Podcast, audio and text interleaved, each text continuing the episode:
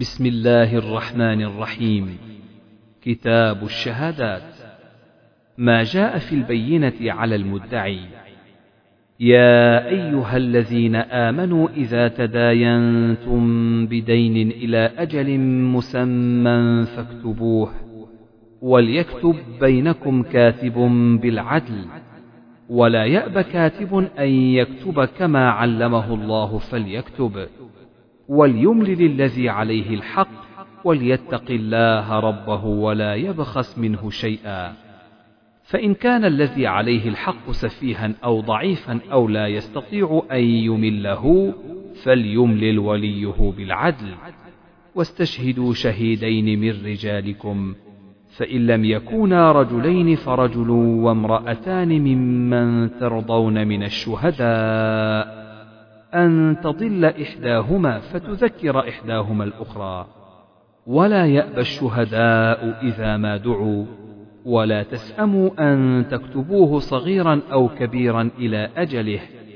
ذلكم أقسط عند الله وأقوم للشهادة وأدنى ألا ترتابوا إلا أن تكون تجارة حاضرة تديرونها بينكم. فليس عليكم جناح ألا تكتبوها وأشهدوا إذا تبايعتم. ولا يضار كاتب ولا شهيد. وإن تفعلوا فإنه فسوق بكم. واتقوا الله ويعلمكم الله والله بكل شيء عليم. قوله تعالى يا أيها الذين آمنوا كونوا قوامين بالقسط شهداء لله ولو على أنفسكم أو الوالدين والأقربين. إن يكن غنيا أو فقيرا فالله أولى بهما. فلا تتبعوا الهوى أن تعدلوا وإن تلووا أو تعرضوا فإن الله كان بما تعملون خبيرا. باب إذا عدل رجل أحدا فقال لا نعلم إلا خيرا أو قال ما علمت إلا خيرا. حدثنا حجاج حدثنا عبد الله بن عمر النميري حدثنا ثوبان وقال الليث حدثني يونس عن ابن شهاب قال أخبرني عروة وابن المسيب وعلقمة بن وقاص وعبيد الله عن حديث عائشة رضي الله عنها وبعض حديثهم يصدق بعضا حين قال لها أهل الإفك. فدعا رسول الله صلى الله عليه وسلم عليا وأسامة حين استلبث الوحي يستأمرهما في فراق أهله. فأما أسامة فقال أهلك ولا نعلم إلا خيرا. وقالت بريرة إن رأيت عليها أمرا أغمصه أكثر من أنها جارية حديثة السن تنام عن عجين أهلها. فتأتي الداجن فتأكله. فقال رسول الله صلى الله عليه وسلم من يعذرنا من رجل بلغني أذاه في أهل بيتي فوالله ما علمت من أهلي إلا خيرا ولقد ذكروا رجلا ما علمت عليه إلا خيرا. باب شهادة المختبي. وأجازه عمرو بن حريث قال وكذلك يفعل بالكاذب الفاجر. وقال الشعبي وابن سيرين وعطاء وقتاده السمع شهاده. وقال الحسن يقول لم يشهدوني على شيء وإني سمعت كذا وكذا. حدثنا أبو اليمان أخبرنا شعيب عن الزهري قال سالم سمعت عبد الله بن عمر رضي الله عنهما يقول انطلق رسول الله صلى الله عليه وسلم وأبي بن كعب الأنصاري يؤمان النخل التي فيها ابن صياد. حتى إذا دخل رسول الله صلى الله عليه وسلم طفق رسول الله صلى الله عليه وسلم يتقي بجذوع النخل وهو يختل أن يسمع من ابن صياد شيئا قبل أن يراه. وابن صياد مضطجع على فراشه في قطيفة له فيها رمرمة أو زمزمة. فرأت أم ابن صياد النبي صلى الله عليه وسلم وهو يتقي بجذوع النخل فقالت لابن صياد أي صاف هذا محمد فتناهى ابن صياد. قال رسول الله صلى الله عليه وسلم لو تركته بين حدثنا عبد الله بن محمد حدثنا سفيان عن الزهري عن عروة عن عائشة رضي الله عنها. جاءت امرأة رفاعة القرظي النبي صلى الله عليه وسلم فقالت كنت عند رفاعة فطلقني فأبت طلاقي فتزوجت عبد الرحمن بن الزبير إنما معه مثل هدبة الثوب. فقال أتريدين أن ترجعي إلى رفاعة؟ لا حتى تذوقي عسيلته ويذوق عسيلتك. وأبو بكر جالس عنده وخالد بن سعيد بن العاص بالباب ينتظر أن يؤذن له. فقال يا أبا بكر ألا تسمع إلى هذه ما تجهر به عند النبي صلى الله عليه وسلم؟ باب إذا شهد شاهد أو شهود بشيء فقال آخرون ما علمنا ذلك يحكم بقول من شهد. قال الحميدي هذا كما أخبر بلال أن النبي صلى الله عليه وسلم صلى في الكعبة. وقال الفضل لم يصل فأخذ الناس بشهادة بلال. كذلك إن شهد شاهدان أن لفلان على فلان ألف درهم وشهد آخران بألف وخمسمائة يقضى بالزيادة.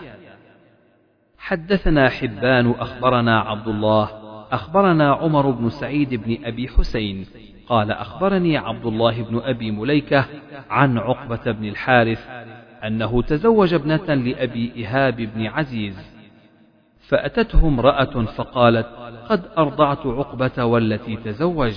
فقال لها عقبة ما أعلم أنك أرضعتني ولا أخبرتني. فأرسل إلى آل أبي إهاب يسألهم فقالوا ما علمنا أرضعت صاحبتنا. فركب إلى النبي صلى الله عليه وسلم بالمدينة فسأله فقال رسول الله صلى الله عليه وسلم كيف وقد قيل ففارقها ونكحت زوجا غيره. باب الشهداء العدول وقول الله تعالى وأشهدوا ذوي عدل منكم وممن ترضون من الشهداء. حدثنا الحكم بن نافع أخبرنا شعيب عن الزهري قال حدثني حميد بن عبد الرحمن بن عوف أن عبد الله بن عتبة قال سمعت عمر بن الخطاب رضي الله عنه يقول إن أناسا كانوا يؤخذون بالوحي في عهد رسول الله صلى الله عليه وسلم وإن الوحي قد انقطع وإنما نأخذكم الآن بما ظهر لنا من أعمالكم فمن أظهر لنا خيرا أمناه وقربناه وليس إلينا من سريرته شيء الله يحاسبه في سريرته. ومن أظهر لنا سوءا لم نأمنه ولم نصدقه وإن قال إن سريرته حسنة. باب تعديل كم يجوز. حدثنا سليمان بن حرب حدثنا حماد بن زيد عن ثابت عن أنس رضي الله عنه قال مر على النبي صلى الله عليه وسلم بجنازة فأثنوا عليها خيرا فقال وجبت ثم مر بأخرى فأثنوا عليها شرا أو قال غير ذلك فقال وجبت. فقيل يا رسول الله قلت لهذا وجبت ولهذا وجبت. قال شهادة القوم المؤمنون شهداء الله في الأرض. حدثنا موسى بن إسماعيل حدثنا داود بن أبي الفرات حدثنا عبد الله بن بريدة. عن أبي الأسود قال أتيت المدينة وقد وقع بها مرض وهم يموتون موتا ذريعا. فجلست إلى عمر رضي الله عنه فمرت جنازة فأثني خير فقال عمر وجبت ثم مر بأخرى فأثني خيرا فقال وجبت ثم مر بالثالثة فأثني شرا فقال وجبت فقلت ما وجبت يا أمير المؤمنين؟ قال قلت كما قال النبي صلى الله عليه وسلم أيما مسلم شهد له أربعة بخير أدخله الله الجنة. قلنا وثلاثة قال وثلاثة. قلت واثنان قال واثنان ثم لم نسأله عن الواحد. باب الشهادة على الأنساب والرضاع المستفيض والموت القديم. وقال النبي صلى الله عليه وسلم أرضعتني وأبا سلمة ثويبة والتثبت فيه. حدثنا آدم حدثنا شعبة أخبرنا الحكم عن عراك بن مالك عن عروة بن الزبير عن عائشة رضي الله عنها قالت استأذن علي أفلح فلم آذن له فقال أتحتجبين مني وأنا عمك؟ فقلت وكيف ذلك؟ قال أرضعتك امرأة أخي بلبن أخي. فقالت سألت عن ذلك رسول الله صلى الله عليه وسلم فقال صدق أفلح إيذني له. حدثنا مسلم بن إبراهيم حدثنا همام حدثنا قتادة عن جابر بن زيد عن ابن عباس رضي الله عنهما قال قال النبي صلى الله عليه وسلم في بنت حمزة لا تحل لي يحرم من الرضاع ما يحرم من النسب هي بنت أخي من الرضاعة. حدثنا عبد الله بن يوسف أخبرنا مالك عن عبد الله بن أبي بكرة عن عمرة بنت عبد الرحمن أن عائشة رضي الله عنها زوج النبي صلى الله عليه وسلم أخبرتها أن رسول الله صلى الله عليه وسلم كان عندها وأنها سمعت صوت رجل يستأذن في بيت حفصة. قالت عائشة فقلت يا رسول الله أراه فلانا لعم حفصة من الرضاعة. فقالت عائشة يا رسول الله هذا رجل يستأذن في بيتك. قالت فقال رسول الله صلى الله عليه وسلم أراه فلانا لعم حفصة من الرضاعة. فقالت عائشة لو كان فلان حيا لعمها من الرضاعة دخل علي؟ فقال رسول الله صلى الله عليه وسلم نعم إن الرضاعة تحرم ما يحرم من الولادة. حدثنا محمد بن كثير أخبرنا سفيان عن أشعث بن أبي الشعثاء عن أبيه عن مسروق أن عائشة رضي الله عنها قالت دخل علي النبي صلى الله عليه وسلم وعندي رجل. قال يا عائشة من هذا؟ قلت أخي من الرضاعة. قال يا عائشة انظرن من إخوانكن فإنما الرضاعة من المجاعة. تابعه ابن مهدي عن سفيان. باب شهادة القاذف والسارق والزاني. وقول الله تعالى ولا تقبلوا لهم شهادة أبدا وأولئك هم الفاسقون إلا الذين تابوا. وجلد عمر أبا بكرة وشبل بن معبد ونافعا بقذف المغيرة ثم استتابهم. وقال من تاب قبلت شهادته وأجازه عبد الله بن عتبة وعمر بن عبد العزيز وسعيد بن جبير وطاووس ومجاهد والشعبي وعكرمة والزهري ومحارب بن دثار وشريح ومعاوية بن قرة. وقال أبو الزناد الأمر عندنا بالمدينة. إذا رجع القاذف عن قوله فاستغفر ربه قبلت شهادته. وقال الشعبي وقتاده إذا أكذب نفسه جلد وقبلت شهادته. وقال الثوري إذا جلد العبد ثم أعتق جازت شهادته وإن استقضي المحدود فقضاياه جائزة. وقال بعض الناس لا تجوز شهادة القاذف وإن تاب. ثم قال لا يجوز نكاح بغير شاهدين فإن تزوج بشهادة محدودين جاز وإن تزوج بشهادة عبدين لم يجز. وأجاز شهادة المحدود والعبد والأمة لرؤية هلال رمضان. وكيف تعرف توبته؟ وقد نفى النبي صلى الله عليه وسلم الزاني سنة. ونهى النبي صلى الله عليه وسلم عن كلام كعب بن مالك وصاحبيه حتى مضى خمسون ليلة. حدثنا إسماعيل قال حدثني ابن وهب عن يونس وقال الليث حدثني يونس عن ابن شهاب أخبرني عروة بن الزبير أن امرأة سرقت في غزوة الفتح فأتي بها رسول الله صلى الله عليه وسلم ثم أمر فقطعت يدها. قالت عائشة فحسنت توبتها وتزوجت وكانت تأتي بعد ذلك فأرفع حاجتها إلى رسول الله صلى الله عليه وسلم. حدثنا يحيى بن بكير حدثنا الليث عن عقيل عن ابن شهاب عن عبيد الله بن عبد الله عن زيد بن خالد رضي الله عنه عن رسول الله صلى الله عليه وسلم أنه أمر في من زنى ولم يحصن بجلد مئة وتغريب عام. باب لا يشهد على شهادة جور إذا أشهد. حدثنا عبدان أخبرنا عبد الله أخبرنا أبو حيان التيمي عن الشعبي عن النعمان بن بشير رضي الله عنهما قال سألت أمي أبي بعض الموهبة لي من ماله ثم بدا له فوهبها لي فقالت لا أرضى حتى تشهد النبي صلى الله عليه وسلم فأخذ بيدي وأنا غلام فأتى بي النبي صلى الله عليه وسلم فقال إن أمه بنت رواحة سألتني بعض الموهبة لهذا. قال ألك ولد سواه؟ قال نعم. قال فأراه قال لا تشهدني على جور. وقال أبو حريز عن الشعبي لا أشهد على جور.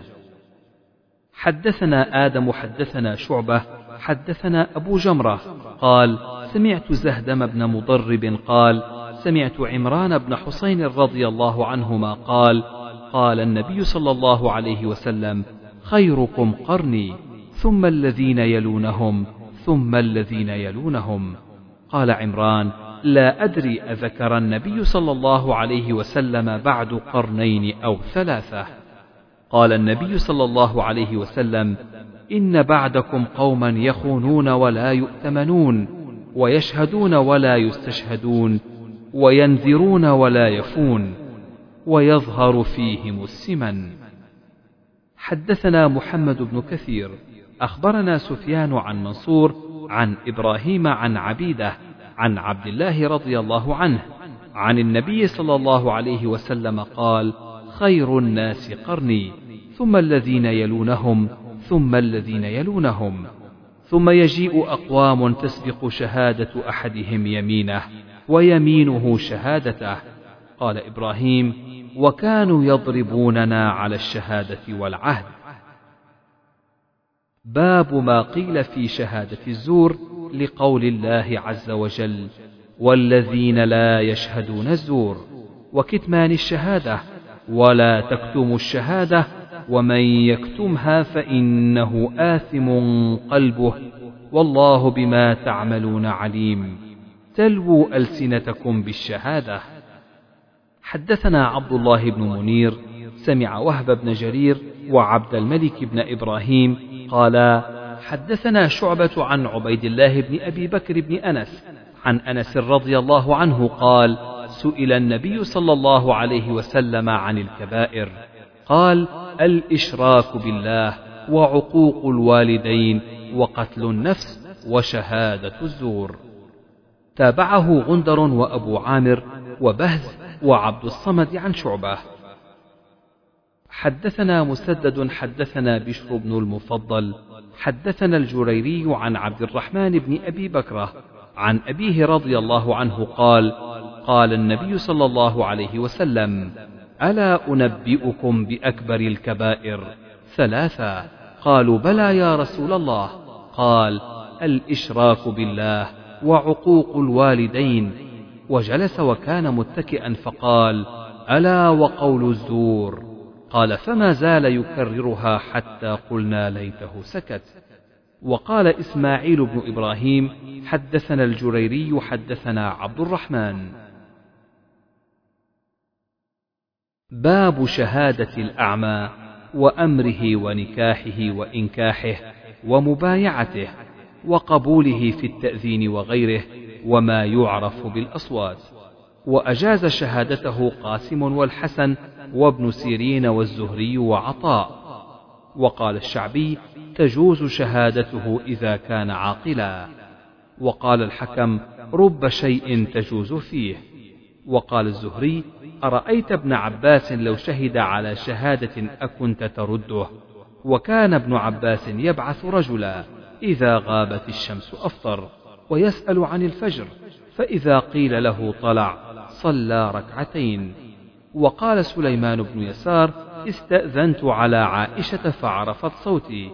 قالت سليمان ادخل فإنك مملوك ما بقي عليك شيء.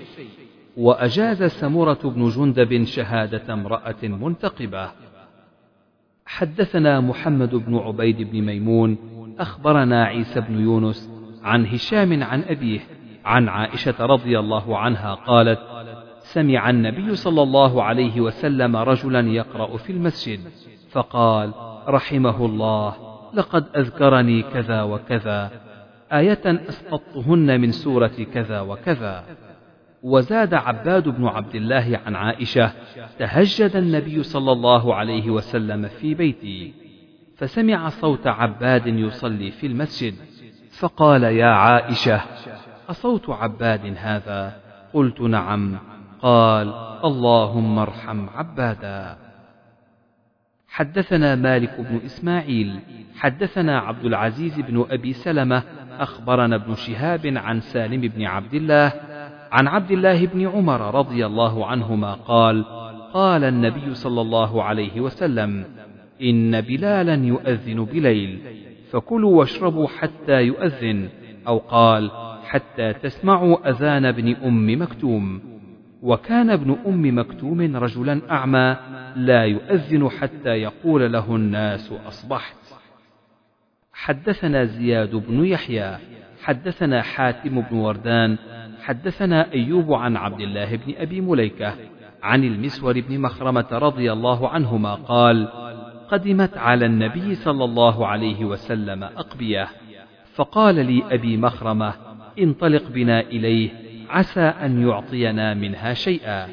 فقام أبي على الباب فتكلم فعرف النبي صلى الله عليه وسلم صوته فخرج النبي صلى الله عليه وسلم ومعه قباء وهو يريه محاسنه وهو يقول خبأت هذا لك خبأت هذا لك. باب شهادة النساء وقوله تعالى فإن لم يكونا رجلين فرجل وامرأتان.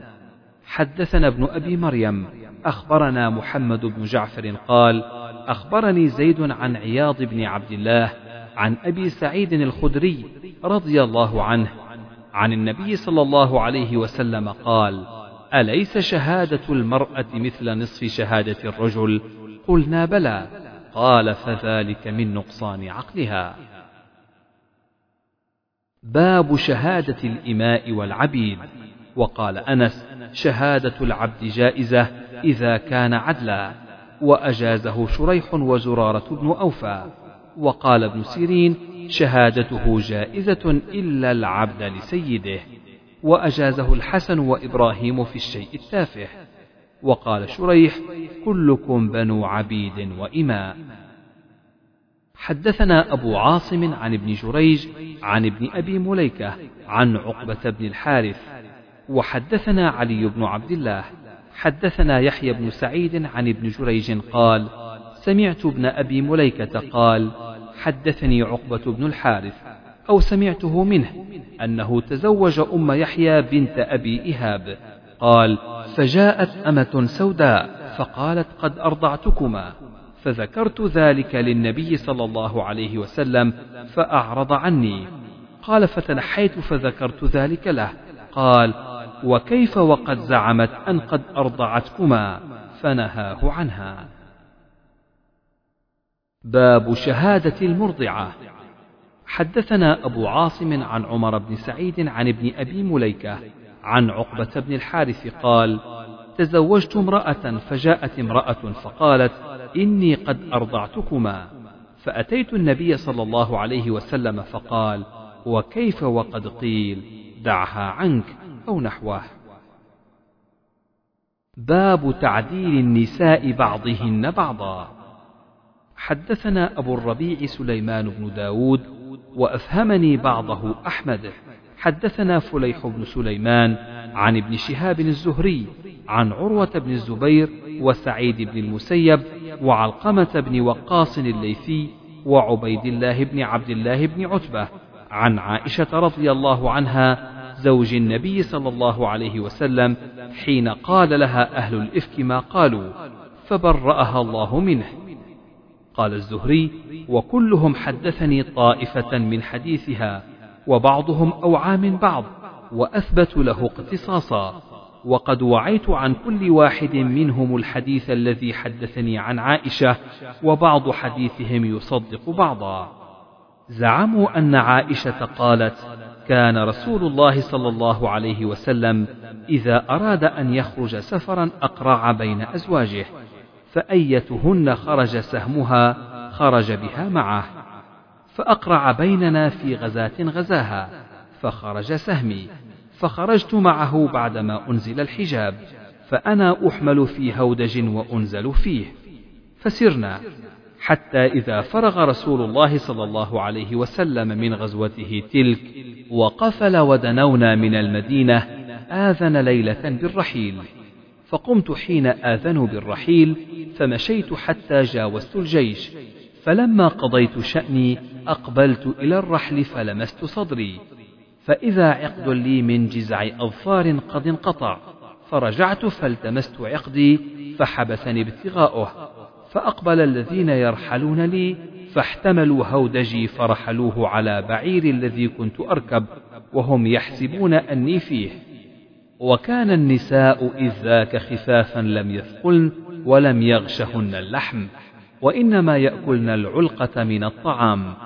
فلم يستنكر القوم حين رفعوه ثقل الهودج فاحتملوه وكنت جارية حديثة السن فبعثوا الجمل وساروا فوجدت عقدي بعدما استمر الجيش فجئت منزلهم وليس فيه أحد فأممت منزلي الذي كنت به فظننت أنهم سيفقدوني فيرجعون إلي فبين أنا جالسة غلبتني عيناي فنمت وكان صفوان بن المعطل السلمي ثم الذكواني من وراء الجيش فأصبح عند منزلي فرأى سواد إنسان نائم فأتاني وكان يراني قبل الحجاب فاستيقظت باسترجاعه حين أناخ راحلته فوطئ يدها فركبتها فانطلق يقود بالراحلة حتى أتينا الجيش بعدما نزلوا معرسين في نحر الظهيرة فهلك من هلك وكان الذي تولى الإفك عبد الله بن أبي بن سلول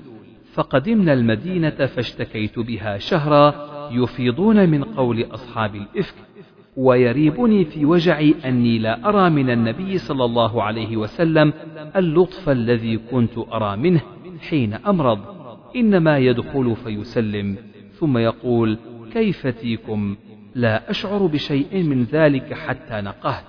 فخرجت أنا وأم مصطح قبل المناصع متبرزنا. لا نخرج إلا ليلا إلى ليل وذلك قبل أن نتخذ الكلف قريبا من بيوتنا. وأمرنا أمر العرب الأول في البرية أو في التنزه فأقبلت أنا وأم مصطح بنت أبي رهم نمشي فعثرت في مرطها فقالت تعس مصطح. فقلت لها بئس ما قلت. أتسبين رجلا شهد بدرا؟ فقالت يا هنتاه ألم تسمعي ما قالوا؟ فأخبرتني بقول أهل الإفك فازددت مرضا إلى مرضي. فلما رجعت إلى بيتي دخل علي رسول الله صلى الله عليه وسلم فقال كيف تيكم فقلت ذلي إلى أبوي. قالت وأنا حينئذ أريد أن أستيقن الخبر من قبلهما. فأذن لي رسول الله صلى الله عليه وسلم فأتيت أبوي فقلت لأمي ما يتحدث به الناس؟ فقالت يا بني هوني على نفسك الشأن فوالله لقلما كانت امرأة قط وضيئة عند رجل يحبها ولها ضرائر إلا أكثرن عليها. فقلت سبحان الله ولقد يتحدث الناس بهذا؟ قالت فبت تلك الليلة. حتى أصبحت لا يرقأ لي دمع ولا أكتحل بنوم. ثم أصبحت فدعا رسول الله صلى الله عليه وسلم علي بن أبي طالب وأسامة بن زيد حين استلبث الوحي يستشيرهما في فراق أهله. فأما أسامة فأشار عليه بالذي يعلم في نفسه من الود لهم. فقال أسامة أهلك يا رسول الله ولا نعلم والله إلا خيرا. وأما علي بن أبي طالب فقال يا رسول الله لم يضيق الله عليك والنساء سواها كثير وسل الجارية تصدق. فدعا رسول الله صلى الله عليه وسلم بريرة فقال يا بريرة هل رأيت فيها شيئا يريبك؟ فقالت بريرة لا والذي بعثك بالحق إن رأيت منها أمرا أغمصه عليها أكثر من أنها جارية حديثة السن تنام عن العجين فتأتي الداجن فتأكله. فقام رسول الله صلى الله عليه وسلم من يومه فاستعذر من عبد الله بن أبي بن سلول. فقال رسول الله صلى الله عليه وسلم من يعذرني من رجل بلغني أذاه في أهلي؟ فوالله ما علمت على أهلي إلا خيرا. وقد ذكروا رجلا ما علمت عليه إلا خيرا وما كان يدخل على أهلي إلا معي. فقام سعد بن معاذ فقال يا رسول الله أنا والله أعذرك منه إن كان من الأوس ضربنا عنقه وإن كان من إخواننا من الخزرج أمرتنا ففعلنا فيه أمرك. فقام سعد بن عبادة وهو سيد الخزرج وكان قبل ذلك رجلا صالحا. ولكن احتملته الحمية فقال كذبت لعمر الله لا تقتله ولا تقدر على ذلك. فقام أسيد بن الحضير فقال كذبت لعمر الله والله لنقتلنه فإنك منافق تجادل عن المنافقين. فثار الحيان الأوس والخزرج حتى هموا. ورسول الله صلى الله عليه وسلم على المنبر فنزل فخفضهم حتى سكتوا وسكت. وبكيت يومي لا يرقأ لي دمع ولا أكتحل بنوم. فأصبح عندي أبواي قد بكيت ليلتين ويوما حتى أظن أن البكاء فالق كبدي. قالت فبينا هما جالسان عندي وأنا أبكي. إذ استأذنت امرأة من الأنصار فأذنت لها. فجلست تبكي معي. فبينا نحن كذلك إذ دخل رسول الله صلى الله عليه وسلم فجلس ولم يجلس عندي من يوم قيل في ما قيل قبلها وقد مكث شهرا لا يوحى إليه في شأن شيء قالت فتشهد ثم قال يا عائشة فإنه بلغني عنك كذا وكذا فإن كنت بريئة فسيبرئك الله وإن كنت ألممت فاستغفر الله وتوبي إليه. فإن العبد إذا اعترف بذنبه ثم تاب تاب الله عليه. فلما قضى رسول الله صلى الله عليه وسلم مقالته قلص دمعي حتى ما أحس منه قطرة.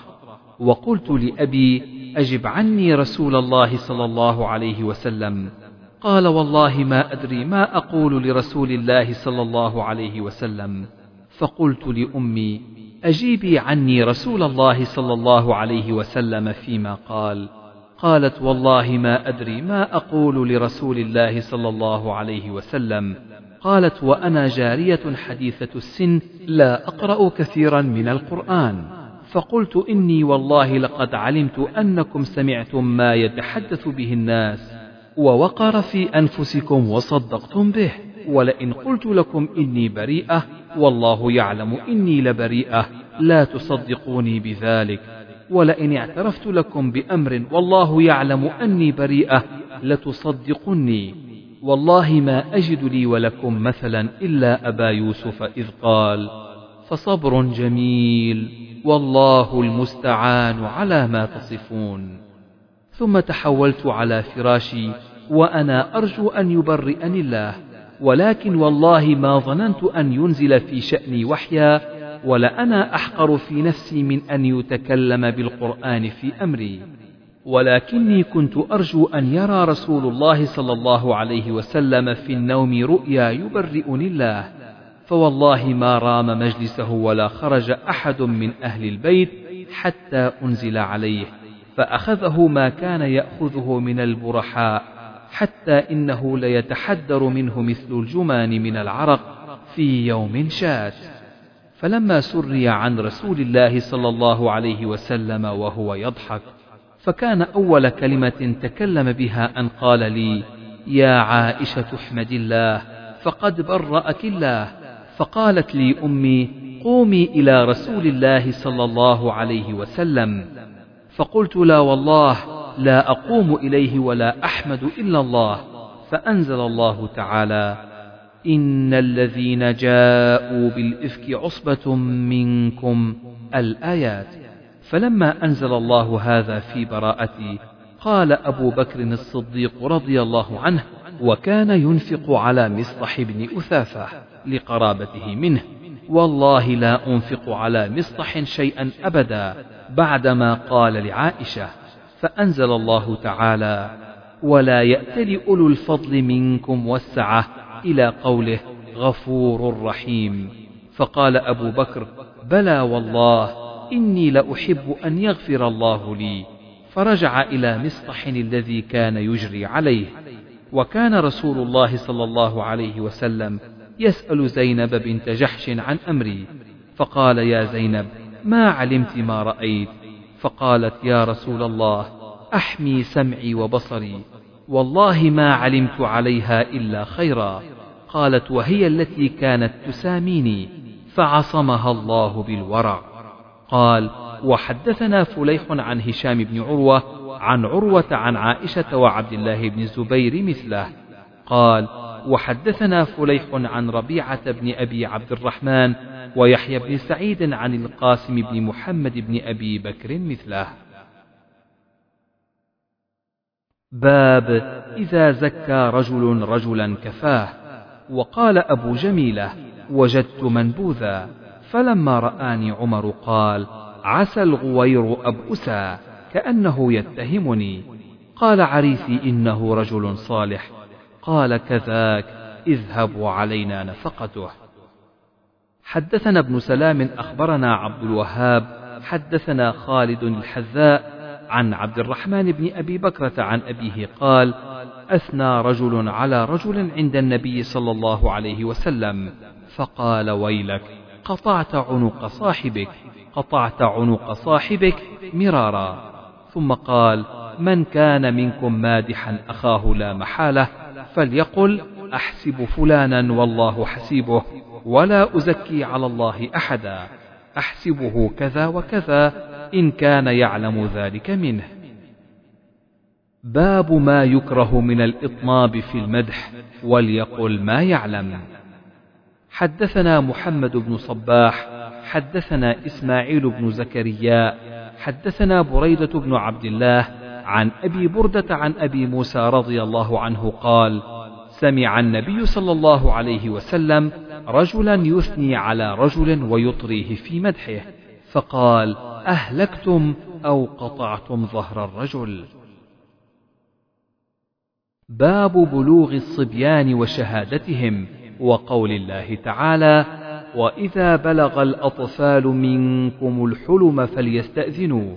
وقال مغيرة احتلمت وأنا ابن ثنتي عشرة سنة وبلوغ النساء في الحيض لقوله عز وجل واللائي يئسن من المحيض من إلى قوله أن يضعن حملهن وقال الحسن بن صالح أدركت جارة لنا جدة بنت إحدى وعشرين سنة حدثنا عبيد الله بن سعيد حدثنا أبو أسامة قال حدثني عبيد الله قال حدثني نافع قال حدثني ابن عمر رضي الله عنهما أن رسول الله صلى الله عليه وسلم عرضه يوم أحد وهو ابن أربع عشرة سنة فلم يجزني ثم عرضني يوم الخندق وأنا ابن خمس عشرة فأجازني.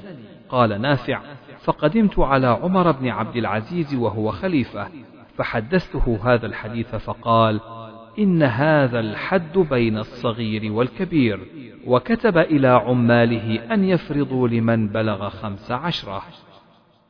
حدثنا علي بن عبد الله حدثنا سفيان حدثنا صفوان بن سليم عن عطاء بن يسار عن أبي سعيد الخدري رضي الله عنه يبلغ به النبي صلى الله عليه وسلم قال غسل يوم الجمعة واجب على كل محتلم. باب سؤال الحاكم المدعي هل لك بينة قبل اليمين؟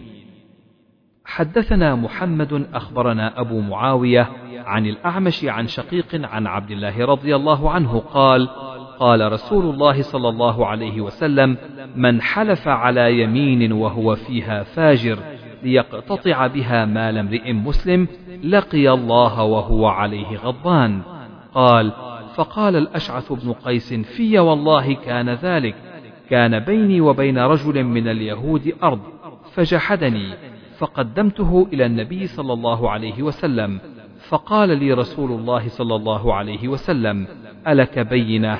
قال قلت لا. قال فقال لليهودي احلف. قال قلت يا رسول الله إذا يحلف ويذهب بمالي.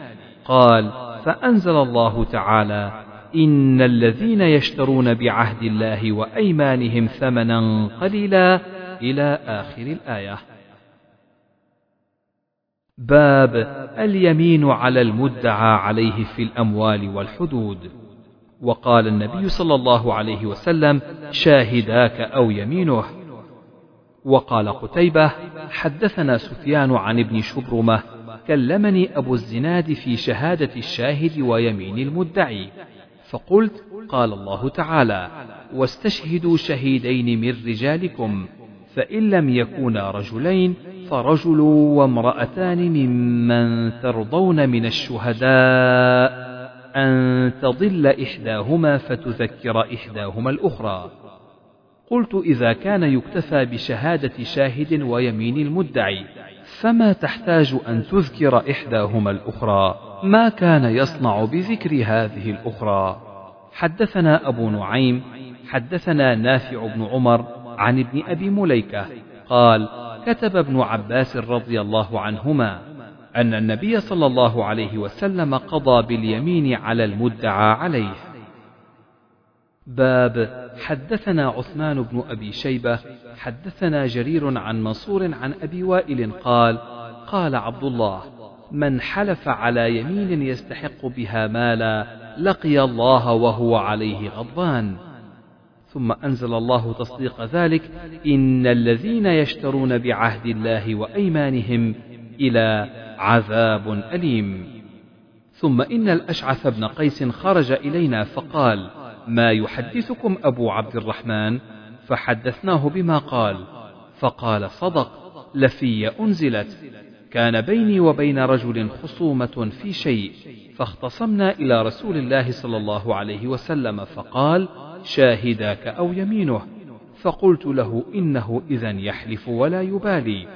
فقال النبي صلى الله عليه وسلم من حلف على يمين يستحق بها مالا وهو فيها فاجر لقي الله وهو عليه غضبان. فأنزل الله تصديق ذلك ثم قترأ هذه الآية. باب إذا ادعى أو قذف فله أن يلتمس البينة وينطلق لطلب البينة. حدثنا محمد بن بشار حدثنا ابن أبي عدي عن هشام حدثنا عكرمة عن ابن عباس رضي الله عنهما أن هلال بن أمية قذف امرأته عند النبي صلى الله عليه وسلم بشريك بن سحماء. فقال النبي صلى الله عليه وسلم البينة أو حد في ظهرك. فقال يا رسول الله إذا رأى أحدنا على امرأته رجلا ينطلق يلتمس البينة فجعل يقول البينة وإلا حد في ظهرك. فذكر حديث اللعان. باب اليمين بعد العصر. حدثنا علي بن عبد الله حدثنا جرير بن عبد الحميد عن الأعمش عن أبي صالح عن أبي هريرة رضي الله عنه قال قال رسول الله صلى الله عليه وسلم ثلاثة لا يكلمهم الله ولا ينظر إليهم ولا يزكيهم ولهم عذاب أليم. رجل على فضل ماء بطريق يمنع منه ابن السبيل. ورجل بايع رجلا لا يبايعه إلا للدنيا فإن أعطاه ما يريد وفى له وإلا لم يف له. ورجل ساوم رجلا بسلعة بعد العصر فحلف بالله لقد أعطى به كذا وكذا فأخذها. باب يحلف المدعى عليه حيثما وجبت عليه اليمين ولا يصرف من موضع إلى غيره. قضى مروان باليمين على زيد بن ثابت على المنبر فقال أحلف له مكاني. فجعل زيد يحلف وأبى أن يحلف على المنبر فجعل مروان يعجب منه. وقال النبي صلى الله عليه وسلم شاهداك أو يمينه فلم يخص مكانا دون مكان. حدثنا موسى بن إسماعيل حدثنا عبد الواحد عن الأعمش عن أبي وائل عن ابن مسعود رضي الله عنه عن النبي صلى الله عليه وسلم قال من حلف على يمين ليقتطع بها مالا لقي الله وهو عليه غضبان. باب إذا تسارع قوم في اليمين.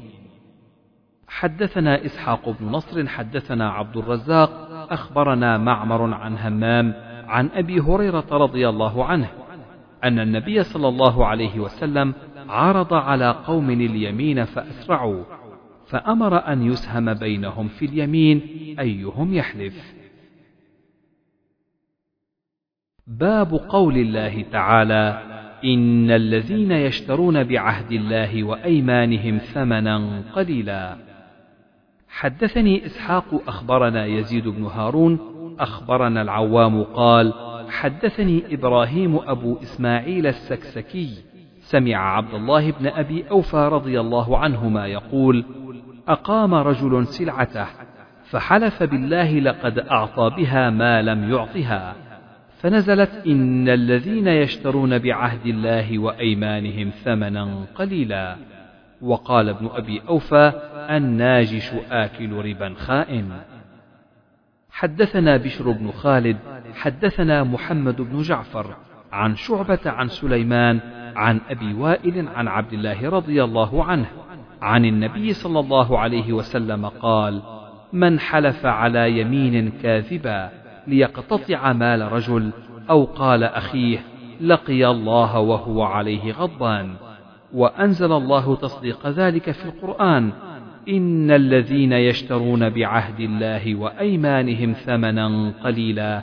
الآية فلقيني الأشعث فقال ما حدثكم عبد الله اليوم؟ قلت كذا وكذا. قال في أنزلت. باب كيف يستحلف. قال تعالى يحلفون بالله لكم. وقوله عز وجل ثم جاءوك يحلفون بالله إن أردنا إلا إحسانا وتوفيقا يقال بالله وتالله ووالله. وقال النبي صلى الله عليه وسلم ورجل حلف بالله كاذبا بعد العصر ولا يحلف بغير الله. حدثنا إسماعيل بن عبد الله قال حدثني مالك عن عمه أبي سهيل عن أبيه أنه سمع طلحة بن عبيد الله يقول جاء رجل إلى رسول الله صلى الله عليه وسلم فإذا هو يسأله عن الإسلام فقال رسول الله صلى الله عليه وسلم خمس صلوات في اليوم والليلة. فقال هل علي غيرها؟ قال لا إلا أن تطوع. فقال رسول الله صلى الله عليه وسلم وصيام رمضان. قال هل علي غيره؟ قال لا إلا أن تطوع.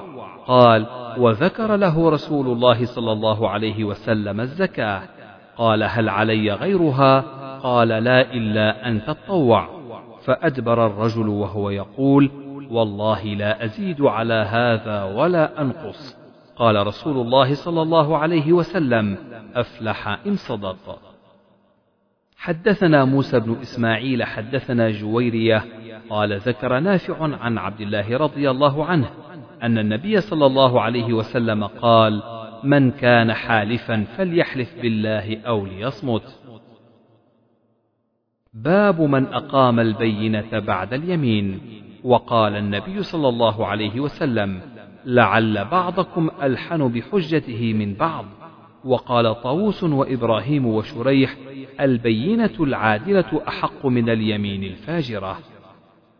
حدثنا عبد الله بن مسلمة عن مالك عن هشام بن عروة عن أبيه عن زينب عن أم سلمة رضي الله عنها أن رسول الله صلى الله عليه وسلم قال إنكم تختصمون إلي ولعل بعضكم ألحن بحجته من بعض. فمن قضيت له بحق أخيه شيئا بقوله فإنما أقطع له قطعة من النار فلا يأخذها. باب من أمر بإنجاز الوعد وفعله الحسن وذكر إسماعيل إنه كان صادق الوعد وقضى ابن الأشوع بالوعد وذكر ذلك عن سمرة وقال المسور بن مخرمة سمعت النبي صلى الله عليه وسلم وذكر صهرا له قال وعدني فوفى لي.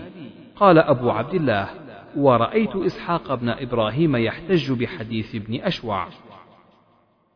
حدثنا إبراهيم بن حمزة حدثنا إبراهيم بن سعد عن صالح عن ابن شهاب عن عبيد الله بن عبد الله أن عبد الله بن عباس رضي الله عنهما أخبره قال أخبرني أبو سفيان أن هرقل قال له سألتك ماذا يأمركم؟ فزعمت أنه أمركم بالصلاة والصدق والعفاف والوفاء بالعهد وأداء الأمانة. قال وهذه صفة نبي. حدثنا قتيبة بن سعيد حدثنا إسماعيل بن جعفر عن أبي سهيل نافع بن مالك بن أبي عامر عن أبيه عن أبي هريرة رضي الله عنه أن رسول الله صلى الله عليه وسلم قال آية المنافق ثلاث إذا حدث كذب وإذا اؤتمن خان وإذا وعد أخلف.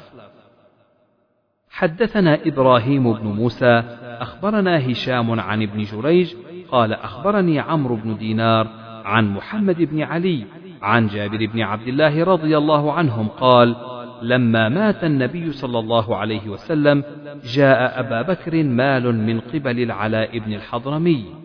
فقال أبو بكر من كان له على النبي صلى الله عليه وسلم دين أو كانت له قبله عدة فليأتنا. قال جابر فقلت وعدني رسول الله صلى الله عليه وسلم أن يعطيني هكذا وهكذا وهكذا. فبسط يديه ثلاث مرات. قال جابر فعد في يدي خمسمائة ثم خمسمائة ثم خمسمائة. حدثنا محمد بن عبد الرحيم أخبرنا سعيد بن سليمان حدثنا مروان بن شجاع عن سالم الأفطس عن سعيد بن جبير قال سألني يهودي من أهل الحيرة أي الأجلين قضى موسى؟ قلت لا أدري حتى أقدم على حبر العرب فأسأله. فقدمت فسألت ابن عباس فقال قضى أكثرهما وأطيبهما. إن رسول الله صلى الله عليه وسلم إذا قال فعل. باب لا يسأل أهل الشرك عن الشهادة وغيرها. وقال الشعبي لا تجوز شهادة أهل الملل بعضهم على بعض لقوله تعالى فأغرينا بينهم العداوة والبغضاء. وقال أبو هريرة عن النبي صلى الله عليه وسلم لا تصدقوا أهل الكتاب ولا تكذبوهم وقولوا آمنا بالله وما أنزل. الآية. حدثنا يحيى بن بكير حدثنا الليث عن يونس عن ابن شهاب عن عبيد الله بن عبد الله بن عتبة عن ابن عباس رضي الله عنهما قال يا معشر المسلمين كيف تسألون أهل الكتاب وكتابكم الذي أنزل على نبيه صلى الله عليه وسلم أحدث الأخبار بالله تقرؤونه لم يشب. وقد حدثكم الله أن أهل الكتاب بدلوا ما كتب الله وغيروا بأيديهم الكتاب. فقالوا هو من عند الله ليشتروا به ثمنا قليلا. أفلا ينهاكم ما جاءكم من العلم عن مسايلتهم؟ ولا والله ما رأينا منهم رجلا قط يسألكم عن الذي أنزل عليكم. باب القرعة في المشكلات وقوله إذ يلقون أقلامهم أيهم يكفل مريم. وقال ابن عباس اقترعوا فجرت الأقلام مع الجرية وعال قلم زكريا الجرية فكفلها زكريا. وقوله فساهم أقرع فكان من المدحضين من المسهومين. وقال أبو هريرة عرض النبي صلى الله عليه وسلم على قوم اليمين فأسرعوا فأمر أن يسهم بينهم أيهم يحلف. حدثنا عمر بن حفص بن غياث حدثنا أبي حدثنا الأعمش قال حدثني الشعبي أنه سمع النعمان بن بشير رضي الله عنهما يقول قال النبي صلى الله عليه وسلم مثل المدهن في حدود الله والواقع فيها مثل قوم استهموا سفينة فصار بعضهم في أسفلها وصار بعضهم في أعلاها. فكان الذي في أسفلها يمرون بالماء على الذين في أعلاها فتأذوا به. فأخذ فأسا فجعل ينقر أسفل السفينة فأتوه فقالوا ما لك؟ قال تأذيتم بي ولا بد لي من الماء فإن أخذوا على يديه أنجوه ونجوا أنفسهم وإن تركوه أهلكوه وأهلكوا أنفسهم. حدثنا أبو اليمان أخبرنا شعيب عن الزهري قال حدثني خارجة بن زيد الأنصاري أن أم العلاء امرأة من نسائهم قد بايعت النبي صلى الله عليه وسلم. أخبرته أن عثمان بن مضعون طار له سهمه في السكنى حين أقرعت الأنصار سكن المهاجرين. قالت أم العلاء فسكن عندنا عثمان بن مضعون فاشتكى فمرضناه. حتى إذا توفي وجعلناه في ثيابه دخل علينا رسول الله صلى الله عليه وسلم. فقلت رحمة الله عليك أبا السائب. فشهادتي عليك لقد أكرمك الله. فقال للنبي صلى الله عليه وسلم وما يدريك أن الله أكرمه؟ فقلت لا أدري بأبي أنت وأمي يا رسول الله. فقال رسول الله صلى الله عليه وسلم أما عثمان فقد جاءه والله اليقين وإني لأرجو له الخير والله ما أدري وأنا رسول الله ما يفعل به. قالت فوالله لا أزكي أحدا بعده أبدا. وأحزنني ذلك. قالت فنمت فأريت لعثمان عينا تجري. فجئت إلى رسول الله صلى الله عليه وسلم فأخبرته فقال ذلك عمله. حدثنا محمد بن مقاتل أخبرنا عبد الله أخبرنا يونس عن الزهري. قال أخبرني عروة عن عائشة رضي الله عنها قالت كان رسول الله صلى الله عليه وسلم إذا أراد سفرا أقرع بين نسائه فأيتهن خرج سهمها خرج بها معه وكان يقسم لكل امرأة منهن يومها وليلتها غير أن سودة بنت زمعة وهبت يومها وليلتها لعائشة زوج النبي صلى الله عليه وسلم تبتغي بذلك رضا رسول الله صلى الله عليه وسلم.